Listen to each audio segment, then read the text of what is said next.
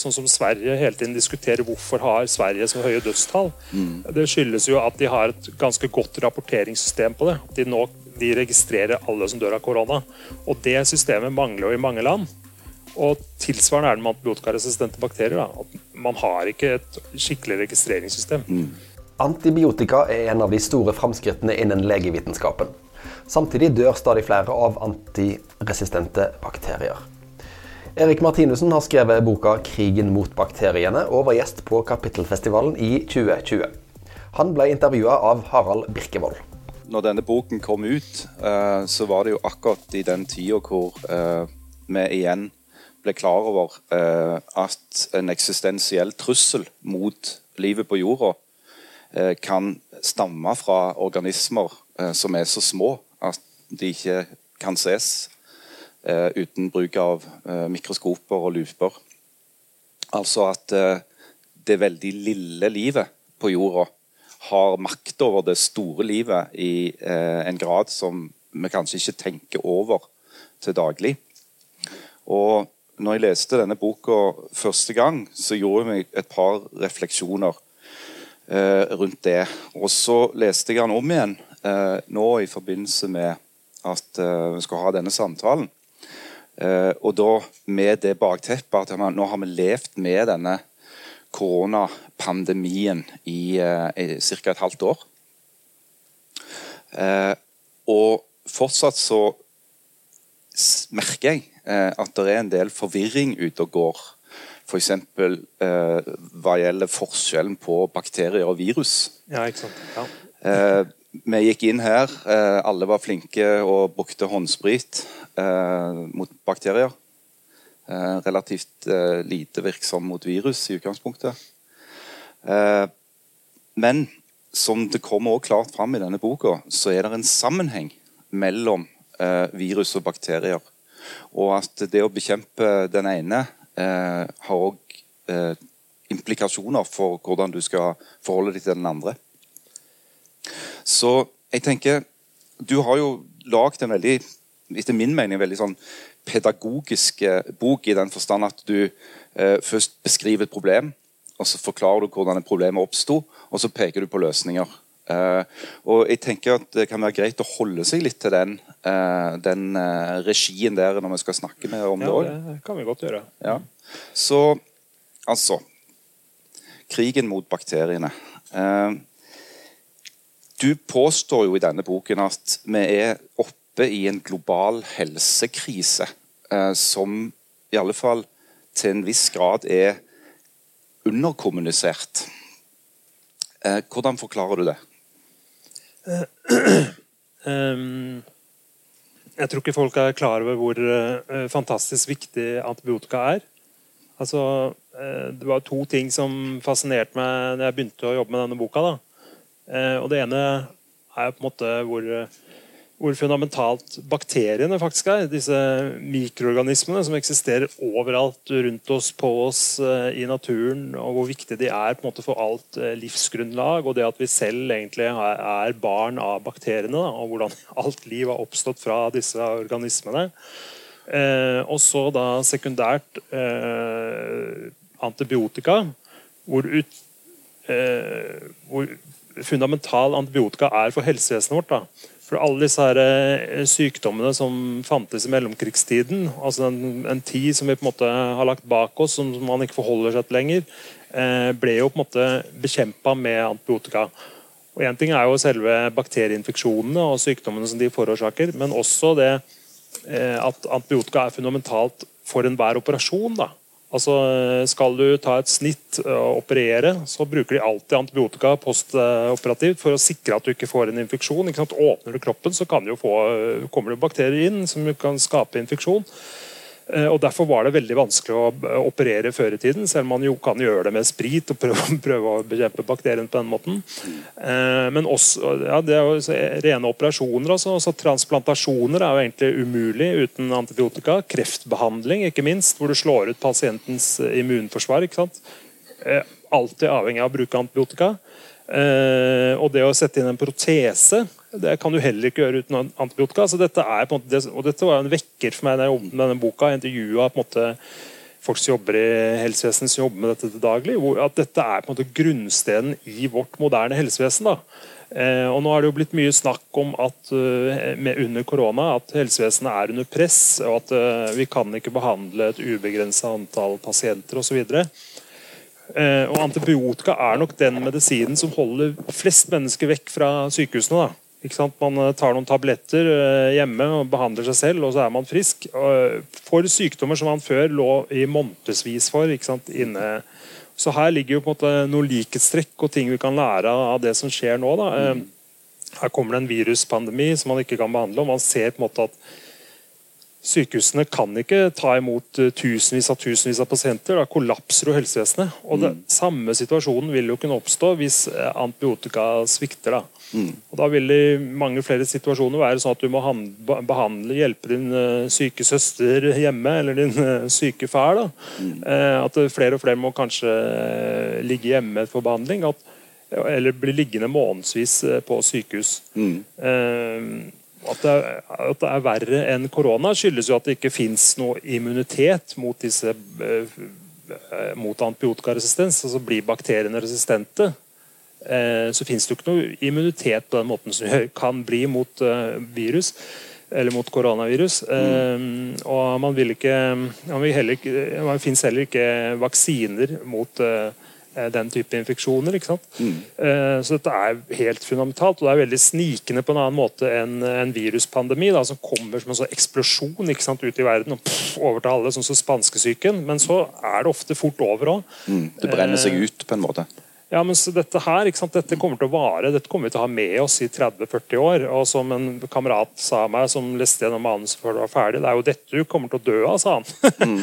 og det har han jo kanskje rett i, så mm. forhåpentligvis ikke, men, men eh, det kan vi jo komme inn på. Men, eh, men ja, det er ja, det kan det, er en langsiktig mm. problem, da. Ja. ja for det at det, en, en, av de tingene som fikk meg til å hoppe litt i stolen uh, i boka, er at du òg går inn og prøver å tallfeste hvor mange dødsfall som egentlig kan knyttes til eh, resistente bakterier, ja. men som blir feil eh, altså Det blir satt en feil merkelapp på dødsfallene. Ja, det og det var noe som altså Du peker jo på, noe, på nærmest en slags noen helt enorme mørketall når det gjelder dødeligheten all, altså allerede nå. Mm. Altså Det finnes jo statistikk på dette her da, som, som, som sier at i dag så er det 700 000 mennesker eh, på verdensbasis som årlig dør av resistente bakterier. Eh, og Det er vel oppe på det tallet vi er nå med korona også. Mm. Eh, men her snakker vi altså årlig eh, hvert år. Og så når det da Det du spør om, er jo mer sånn uh, Fins det egentlig en oversikt på Man skulle jo tro, det var jo overrasket meg da jeg begynte å jobbe med dette, her, at det fantes Jeg trodde det fantes nasjonale oversikter. ikke sant? Så og så mange dør i Norge, så mange dør i Sverige. Men det finnes jo faktisk ikke. For det er, fordi at i dødsårsaksregisteret, som er det man i dag bruker i hele Europa for å liksom registrere hva folk dør av Er det en trafikkulykke? Er det, er det en infeksjon? Er det korona? ikke sant? Eh, så har man ikke en egen altså man har ikke en kategori for resistente bakterier. så fanns, De tallene fins rett og slett ikke. da. Mm. Eh, så man har bare statistiske beregninger. altså som baserer seg på hvor mange, hvor mange, som har vært inne med en infeksjon, og så antar man at så og så mange har dødd av resistente bakterier. Men mm. konkrete tall eh, finnes faktisk ikke.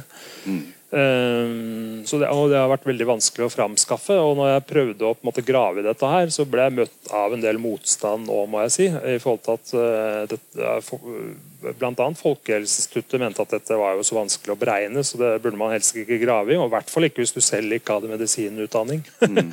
så, så det blitt nærmest avvart mot å gå inn i dette her, liksom. Mm. Um, men her også er det fellestrekk med korona. for Den samme diskusjonen har jo kommet opp nå, og nå er den blitt mye mer aktualisert. Da, for det er sånn som Sverige hele tiden diskuterer hvorfor har Sverige så høye dødstall. Mm. Det skyldes jo at de har et ganske godt rapporteringssystem på det. At de nå de registrerer alle som dør av korona.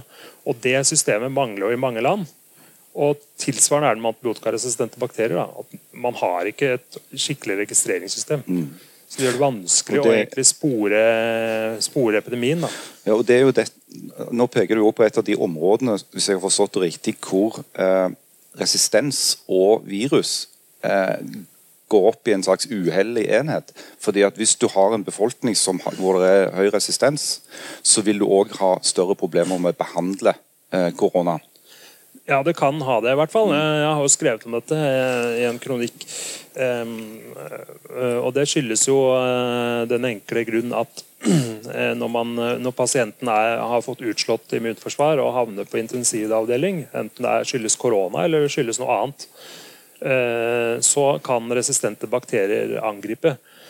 Og Mange av disse bakteriene har jo etablert seg på en del europeiske sykehus. Ikke minst i de landene hvor dette er det største problemet. altså Der hvor det er mest resistente bakterier, det er jo type Hellas, Italia, Spania, Europa.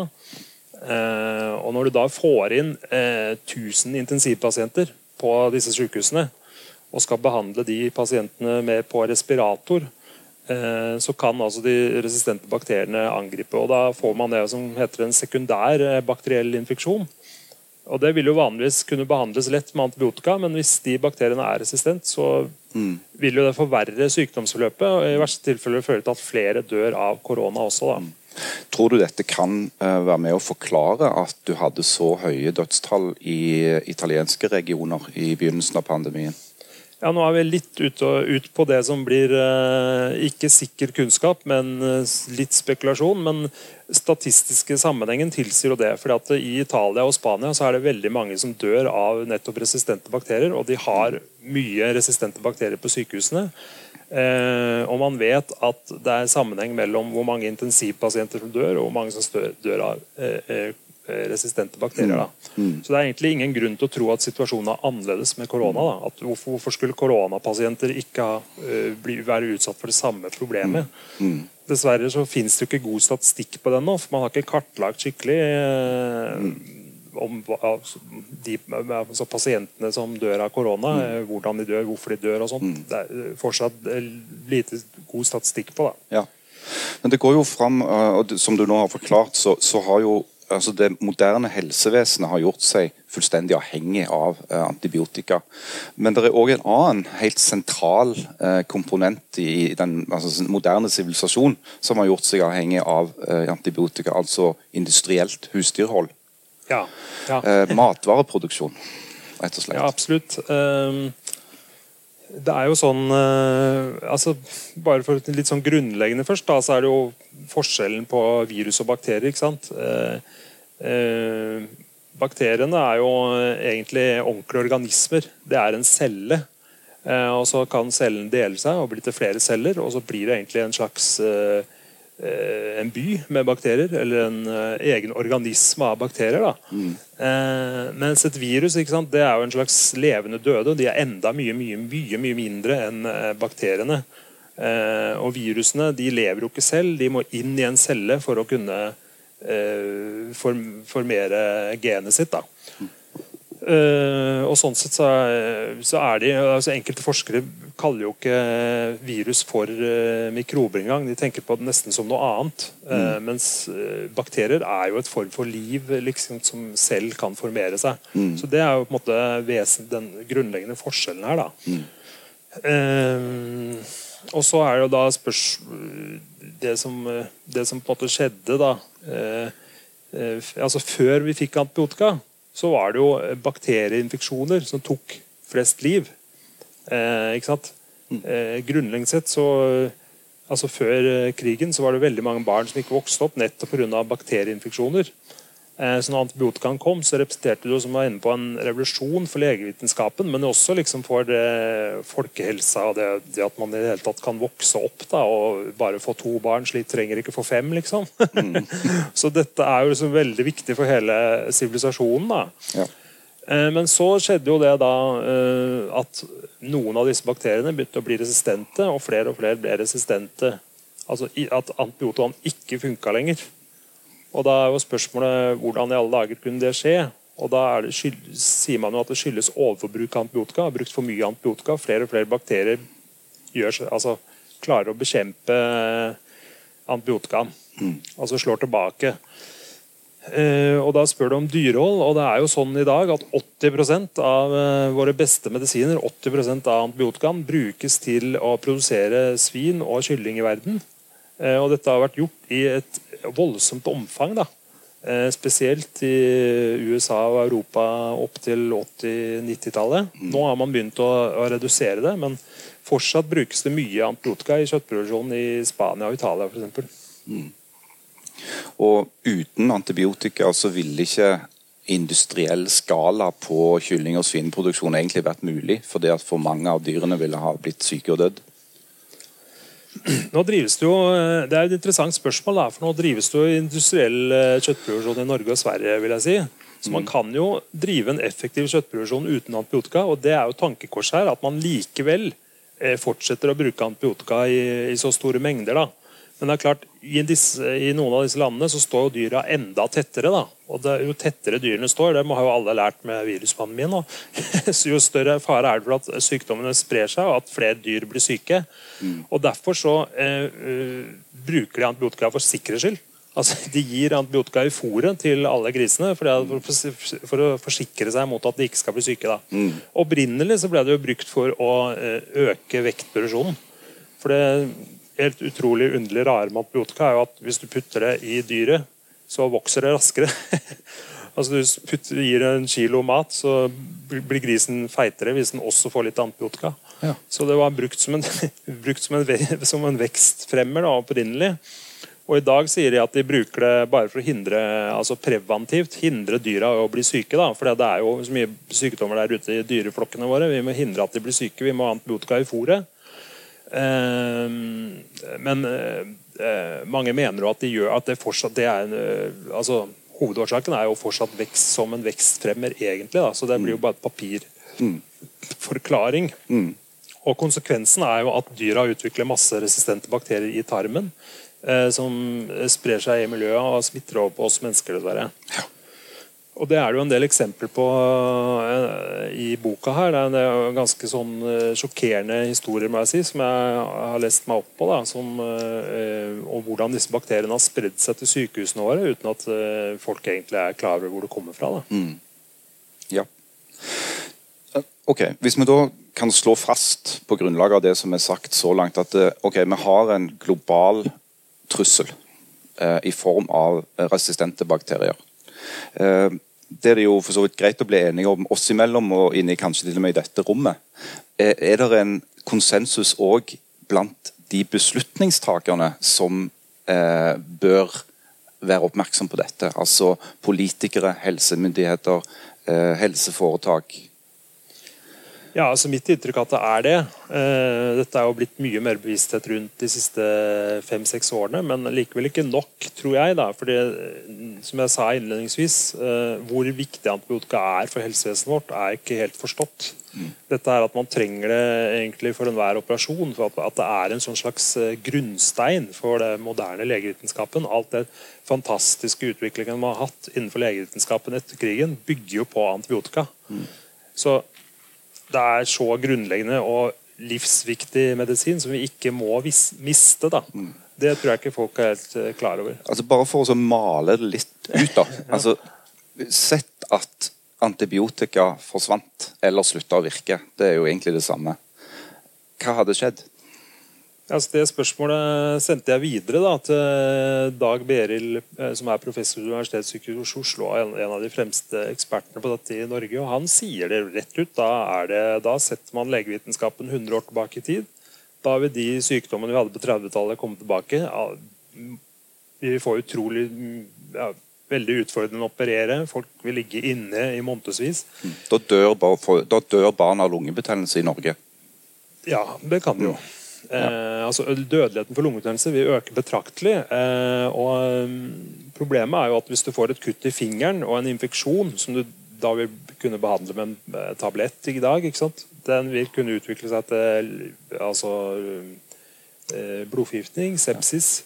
Altså I verste fall død av noe så enkelt som å tråkke på en rusten spiker. da og, og, dette er jo liksom dette, Jeg har jo snakka litt med liksom, eh, min mor om, og eldre, eldre generasjon om dette. her, og for, de ikke, for, dem er det ikke så lenge siden. de Besteforeldregenerasjonen de hadde jo alltid en tante eller en onkel eller en eller annen som hadde dødd av en infeksjon. Mm. Så det er jo, det er jo veldig, moderne, veldig nytt i historien da, at menneskene har kunnet verne seg mot infeksjoner. Og en veldig kort periode, dessverre Altså, det er jo liksom bare denne unike perioden etter krigen hvor vi liksom har hatt denne mirakelmedisinen. Og nå liksom glipper den ut mellom fingrene på oss da, mens vi ser det. Det er som å miste sand. ikke sant? Eh, så det er jo veldig fælt å lese om liksom, å se, se, dette her skje. Mm. Men så er det jo da muligheter for å gjøre noe med det. da, Det mm. vil jeg jo si. Så. Jeg, jeg personlig så hører jeg nå min bestemor uh, si at du må aldri sitte på gresset før sankthans, og du må passe deg for trekk. Mm. Uh, det er jo sånne ting som vi ler av nå, men, men dette kom jo fra en tid hvor det faktisk var nokså alvorlig hvis du ble skikkelig forkjøla. Ja, og så ikke minst tuberkulose. ikke sant? Det, man hadde jo pasienter som lå på sånne sanatorier i år etter år uten å bli friske. friske. Eh, og nå er det altså i ferd med å komme resistent tuberkulose tilbake.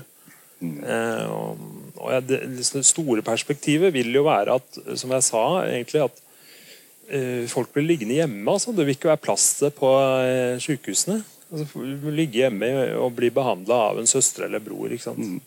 Ja, nå er vi jo faktisk, Akkurat nå er vi jo i en situasjon hvor du må erklære på tro og, og samvittighet at du er frisk før du får komme inn på sykehuset. ja, ja, ja. Eh, så sånn er, her er vi nå.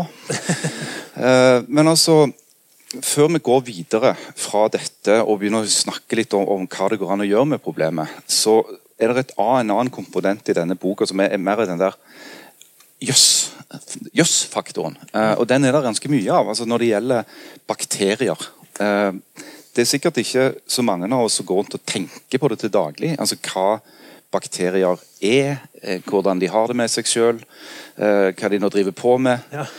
eh, men faktum er eh, at her du og meg sitter, og alle oss andre her i dette rommet, så er jeg f.eks. Jeg er mye mer bakterier enn menneske. Det er ca. ti ganger flere bakterier her enn en menneskeceller. Og sånn er det for deg òg. Altså. Det er ikke bare jeg som er litt urenslig. eh, og deg òg. Altså, vi består av en helt ufattelig stor mengde bakterier overalt i hele kroppen.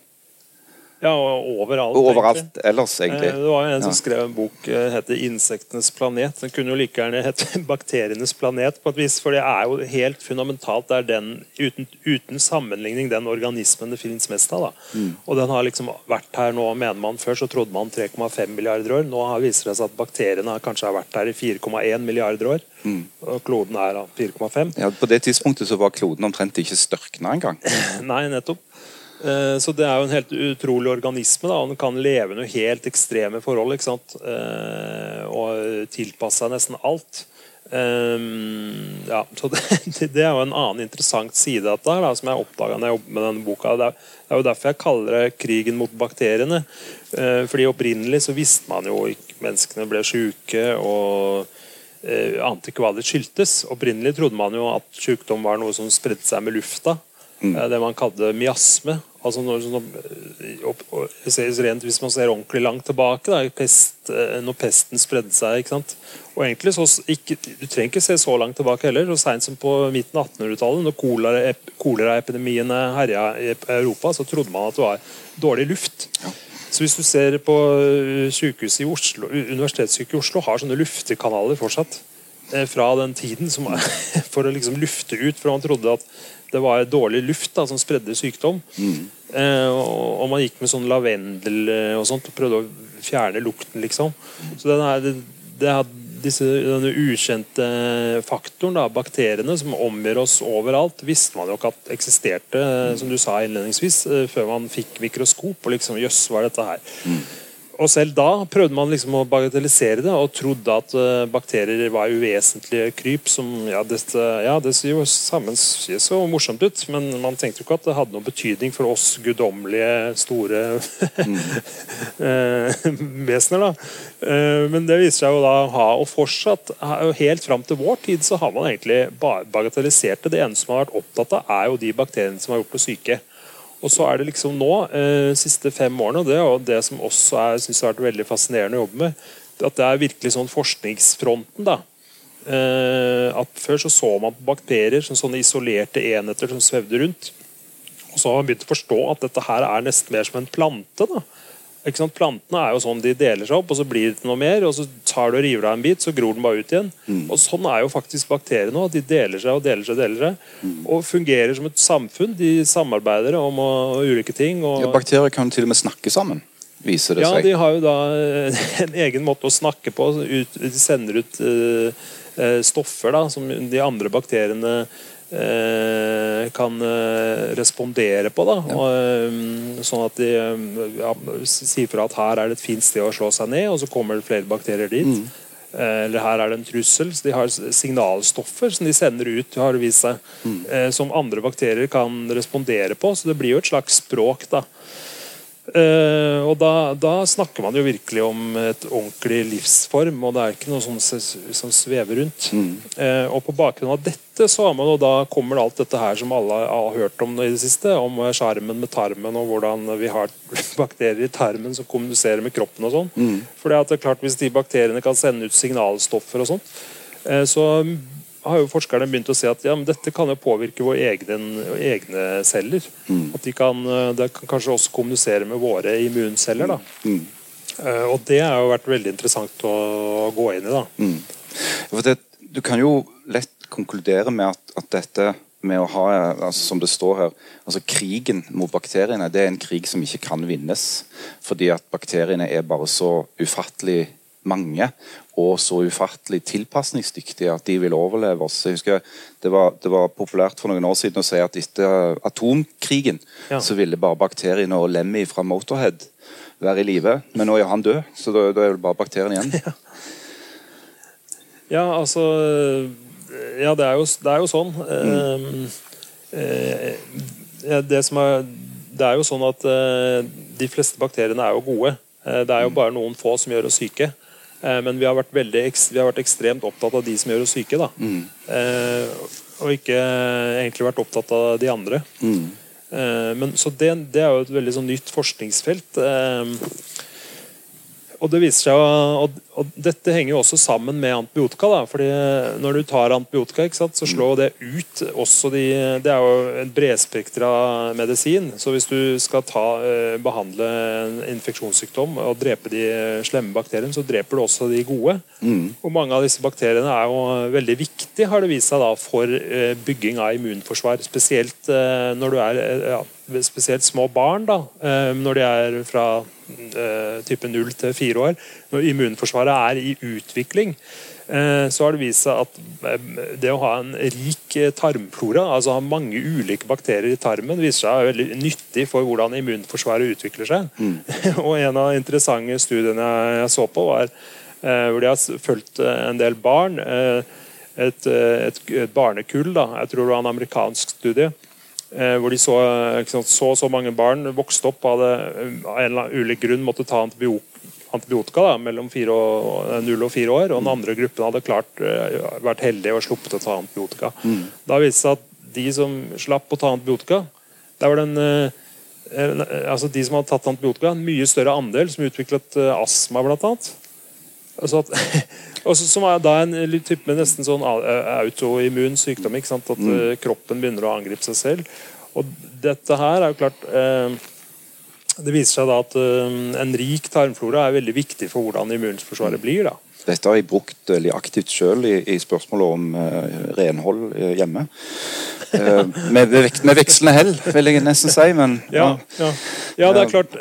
Men det, man må ikke blande for mye sammen. Da, for Nei, det er, veldig viktig å holde og re, renhold okay, i orden. Men okay. eksempel at barna i barnehagen spiser litt eh, jord, kan kanskje være litt bra. Da. For det, altså, kanskje, kanskje det er en del av eh, evolusjonen at liksom barn har lært de, må, de skal ha noen gram eh, jord i seg ikke sant? For, for å utvikle det her immunforsvaret og få ja. den bakteriefloraen de trenger. For det er jo sånn at vi mennesker opprinnelig var aper. Vi levde ute i naturen og drakk urent vann og spiste mye rart. liksom. Og så har vi gradvis fjerna oss mer og mer fra det her eh, rike bakteriemiljøet og isolert oss mer og mm, gå opp, opp, opp, eh, oppbevarer oss i mer og mer sterile miljøer. Da. Og da forsvinner en del av artsmangfoldet i tarmen. Da. Så mye av, det, mye av det forsvinner egentlig vekk. eh, Og man frykter i verste tilfelle at kanskje har vi allerede mista en del viktige bakterier. Da.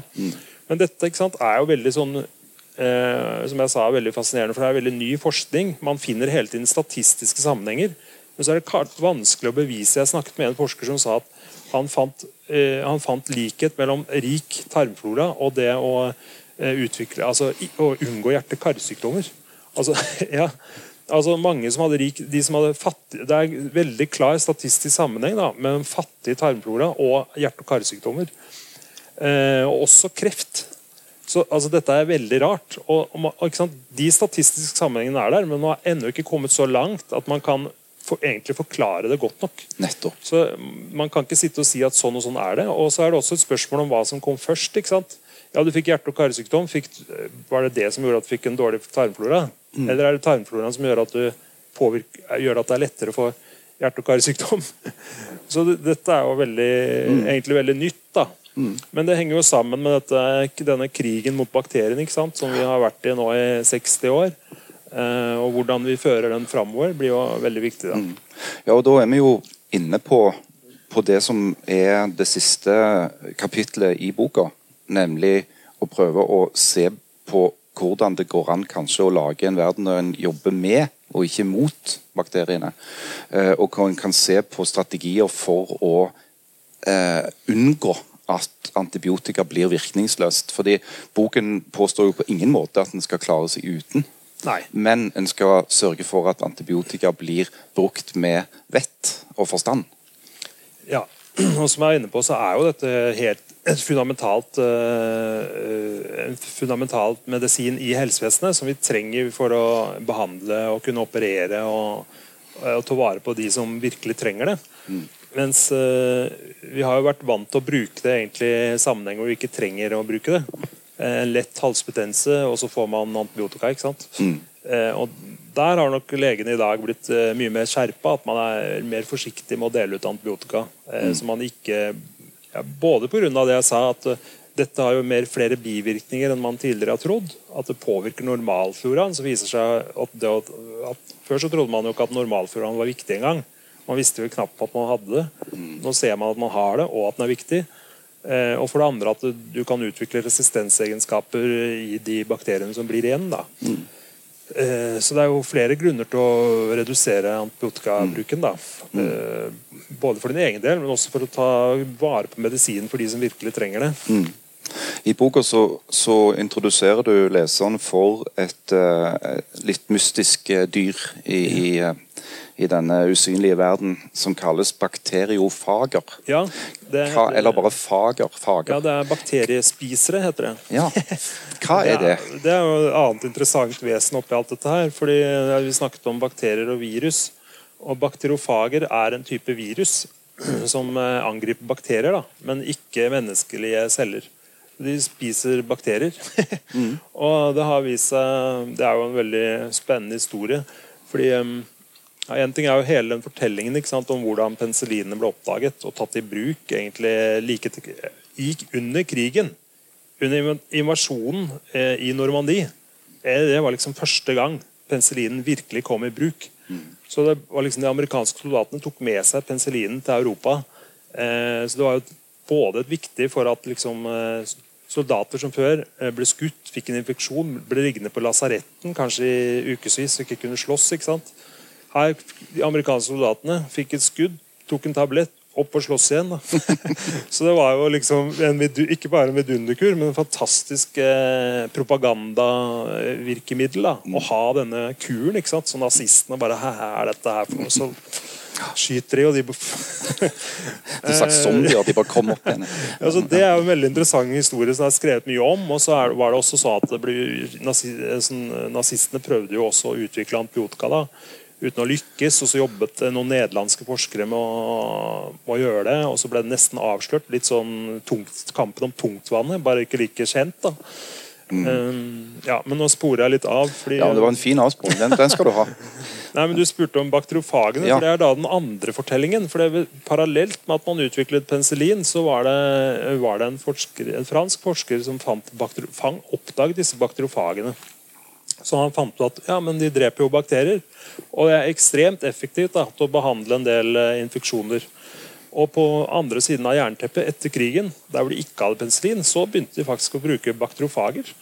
Eh, og eh, i Georgia, da, som var en del av Sovjetunionen Sovjetunionen eh, var jo et enormt hadde produksjonsanlegg eh, for bakteriofager. Et stort medisinsk senter som distribuerte da bakteriofager til hele Sovjet.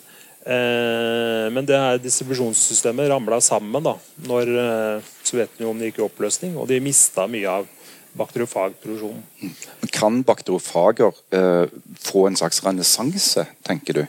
At de kan bli et supplement til andre former for, for behandling av infeksjoner? De har jo allerede, de har faktisk allerede fått det. Fordi eh, når, når dette her blir gjenoppdaga pga. antibiotikaresistens, så har jo forskerne begynt å famle etter alternativer. Og I det landet hvor eh, antibiotikaresistensen har kommet lengst, som er i USA, der flest mennesker i dag dør av resistente bakterier, eh, så har man begynt å bruke bakteriofager igjen til å behandle akutte infeksjoner. Og det er jo da flere eksempler på pasienter som dessverre, ja, som, dessverre får du ikke bruke bakteriofager før uh, pasienten ligger på dødens rand. Da. Fordi det, det, er jo ikke, det er ikke godkjent medisin. Det, ikke det, er, det, er ikke kje, det, er ikke en kjemisk medisin, det er et levende virus. Du kan ikke ta patent på et virus. Mm. Så Derfor så er det ikke medisin, og derfor må det bli behandles som et sånn alternativt som du bare kan bruke i, som et siste nødstilfelle. Det, ja. Kan dette, altså Skyldes dette rett og slett legemiddelindustrien? Altså at dette er ikke noe du kan ta patent på, derfor er det ikke kommersielt interessant?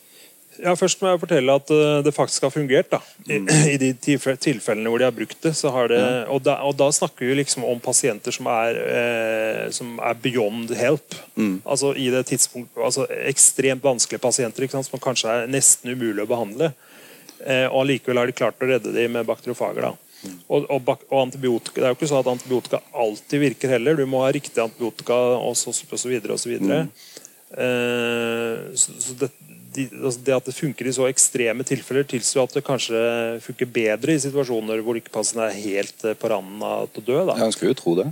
Ja, ja. Eh, og dette finnes det også eh, studier som viser. Da. Men når det kommer til spørsmålet om hvorfor, hvorfor er ikke dette kommet mer i bruk, så er jo det mange årsaker uh, til det. det første, for det første så har jo antibiotika vært så ekstremt effektivt og veldig virkningsfullt. Så man har, ikke, man har jo ikke inntil i dag egentlig hatt behov for noen alternativer. Mm. så hvorfor skulle man utvikle noe nytt når man hadde noe som fungerte veldig bra? Eh, for det andre så er det sånn at eh, bakteriofagene er ekstremt presise. Så hvis du har en, eh, en E. coli-infeksjon, så holder det ikke å ha en, ja, så må du ha en type bakteriofag som går på E. coli-bakterier. Ta et penicillin, så vil det kunne behandle flere typer bakterier, men eh, bakteriofagene angriper bare bestemte mm. arts, De er artsspesifikke. Ja. hvis du får en E. coli-infeksjon, så må du ha en bakteriofag som dreper E. coli-bakterier. Og hvis du får en uh, stafylokokkinfeksjon, altså det er en type hudbakterie som kan gi deg altså hudinfeksjoner, og i verste tilfelle blodforgiftning, da, så må du ha en uh, bakteriofag som dreper uh, stafylokokker. Da. Mm. Men samtidig så, så, unngår du jo det problemet som oppstår ved, ved veldig mye bruk av sånn bredspektra antibiotika, fordi ja. det dreper alt som du har vært inne på. Ja, altså, Også de bakteriene du faktisk har bruk for. Ja, og Det er jo det fantastiske her. Det er liksom Både styrken og svakheten til bakteriofagen kanskje, er jo nettopp det at den er så spesifikk. Mm. At den er vanskelig da, og Du må vite at du har den rette bakteriofagen. og Hvis det da haster veldig, ikke sant?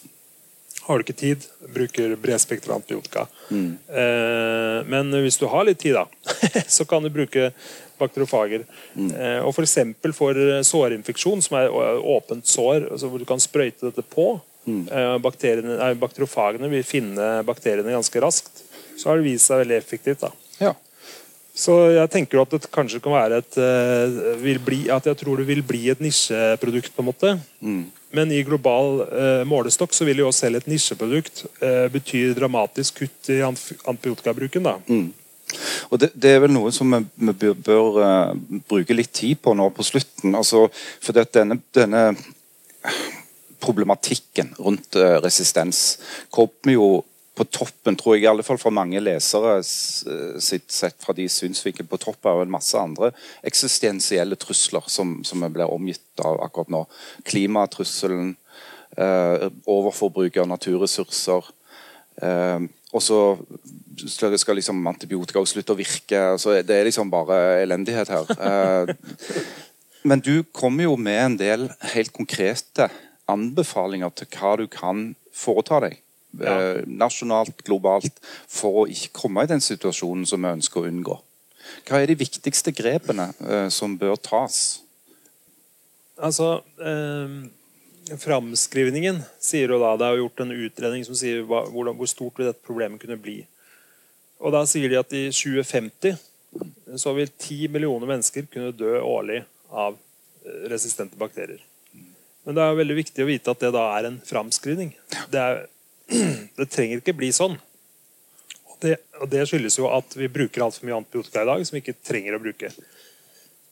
Kutter vi antibiotikabruken i kjøttproduksjon, så har du allerede fjerna 80 av unødvendig bruk. Mm.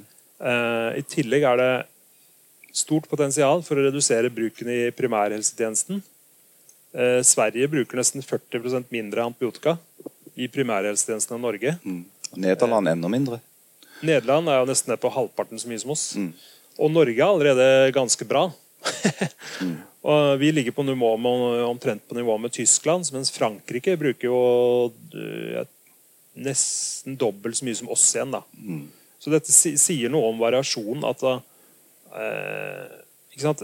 Frankrike bruker jo altfor mye antibiotika i primærhelsen. Alle legene deler ut. ikke sant? Jeg er forkjøla, ja, ta litt antibiotika. Mm. Funker ikke mot forkjølelse, men de får det likevel. Eh, I Norge litt mer eh, restriktive, men likevel Ja, du tror du kanskje har fått et flåttbitt, ja. ja. Ta litt antibiotika for sikkerhets skyld. Ikke sant? Sverige kanskje enda mer forsiktige. da. Ja, er det flott? Er, er det borreliose? Nei. ikke sant? Mm. Og det er liksom der vi må, vi må, ned på det der nivået hvor du faktisk eh, gjør en eh, klinisk undersøkelse da, og sjekker at du faktisk trenger å ta antibiotika. Mm. Så det, det går jo på den enkelte, altså, nærmest på den enkelte fastlegen å begynne for ja. å tenke seg litt bedre om. Ja. Eh, men så er det jo òg en myndighetsnivå her. Og noen vil, som meg for eksempel, vil er litt sånn forundra over at det er så stor forskjell internt i EU, når EU er kjent for å ha forordninger ja. og direktiver som gjelder alle land. Ja. ja. men dette er heldigvis i endring. da. De er jo blitt, eh, Også på EU-nivå er dette kommet mye høyere opp av agendaen. Mm. Eh, men det går jo for sakte. Eh, så Norge bør absolutt spille inn mye mer aktiv rolle her og få ned forbruket av antibiotika. Mm. Så jeg tenker liksom Det er tre ting man kan gjøre. Det ene er å kutte bruken i primærhelsetjenesten mye mer. og Så må man kutte bruken i kjøttproduksjon. Og så må man få inn ordentlig med forskningsmidler på alternativer. her. Både, både bakteriofager og nye antibiotika. Eh, for det finnes det jo. Mm. Eh, og det er en annen eh, morsom historie. da. At Når Alexander Flemming oppdaga penicillin, så var jo dette Han fant jo i en sopp, som kanskje mange vet. En muggsopp så han kalte det muggjus. The mole, the mole juice. og så ekstra, fant han ut det var veldig vanskelig å hente det fram og ekstrahere det og produsere det. og sånn, Så det, han kom ikke videre med forskningen sin. Men så da under krigen som jeg nevnte, så fant man ut at dette ble jo kjempeviktig pga. at så mange soldater døde av infeksjoner. Så amerikanerne satte inn enormt med forskningsmidler da, for å utvikle penicillin. Eh, og Kanskje bør man eh, gjøre noe tilsvarende i dag da, for å utvikle nye typer antibiotika. og Det fins masse typer sopper og eh, mikroorganismer der ute som produserer denne type aktive stoffer som dreper andre bakterier. Det er jo hele tiden en krig sant, mellom disse soppene og bakteriene i jorda og ute i naturen. Så disse, Det fins masse flere aktive stoffer der ute som ikke er oppdaga ennå. Så jeg har snakka med en del eh, forskere som eh, som driver med dette her, og henter inn eh, nye jordprøver og planteprøver. og Her var det en som hadde fått noen prøver fra en maur nede i Sør-Afrika. Mm. Og fant ut at den mauren bar på en sopp som produserte, produserte et antibiotika. Fordi, mot en sånn parasitt som drepte altså, Det var jo ganske komplisert. Det var altså en type maur i Sør-Afrika som var utsatt for en parasitt som kom og drepte en type sopp som kom og drepte som kom og drepte eh, maurkolonien. Ja. Og da har den mauren liksom gått i allianse med en slags eh, sopp som lever på ryggen til mauren. og den soppen produserer et antibiotika som dreper den parasitten. Og så har han forskeren fått disse prøvene og begynt å undersøke. Ja, denne, og det viser seg at det, eh, den eh, soppen produserte et antibiotikum som var veldig effektivt mot MRSA, blant annet. Da, Ja. Som er en type eh, resistent bakterie. Ja, en av de fæle. Ja, En av de fæle. Ja, ja nettopp. Og, Men han, de mangler jo midler da, til å altså, eh, Det er, driver jo på grunnforskningsnivå, ikke sant? så må du opp, oppeskalere dette her og ta prø ja, tester. ja. Så har du de, så har du jo de svartsynte, da. Eh, Men dette så- kommer jo, da. Men det er kanskje 20-25 år fram i tid. ikke sant? Nettopp. Men så er det de som da sier at ok, her sitter vi i, i Europa og diskuterer hva vi kan gjøre, og så kan du gå inn på et hvilket som helst apotek i India eh, eller Kina og kjøpe så mye antibiotika du bare klarer å bære. Uten at noen spør deg eh, et eneste spørsmål.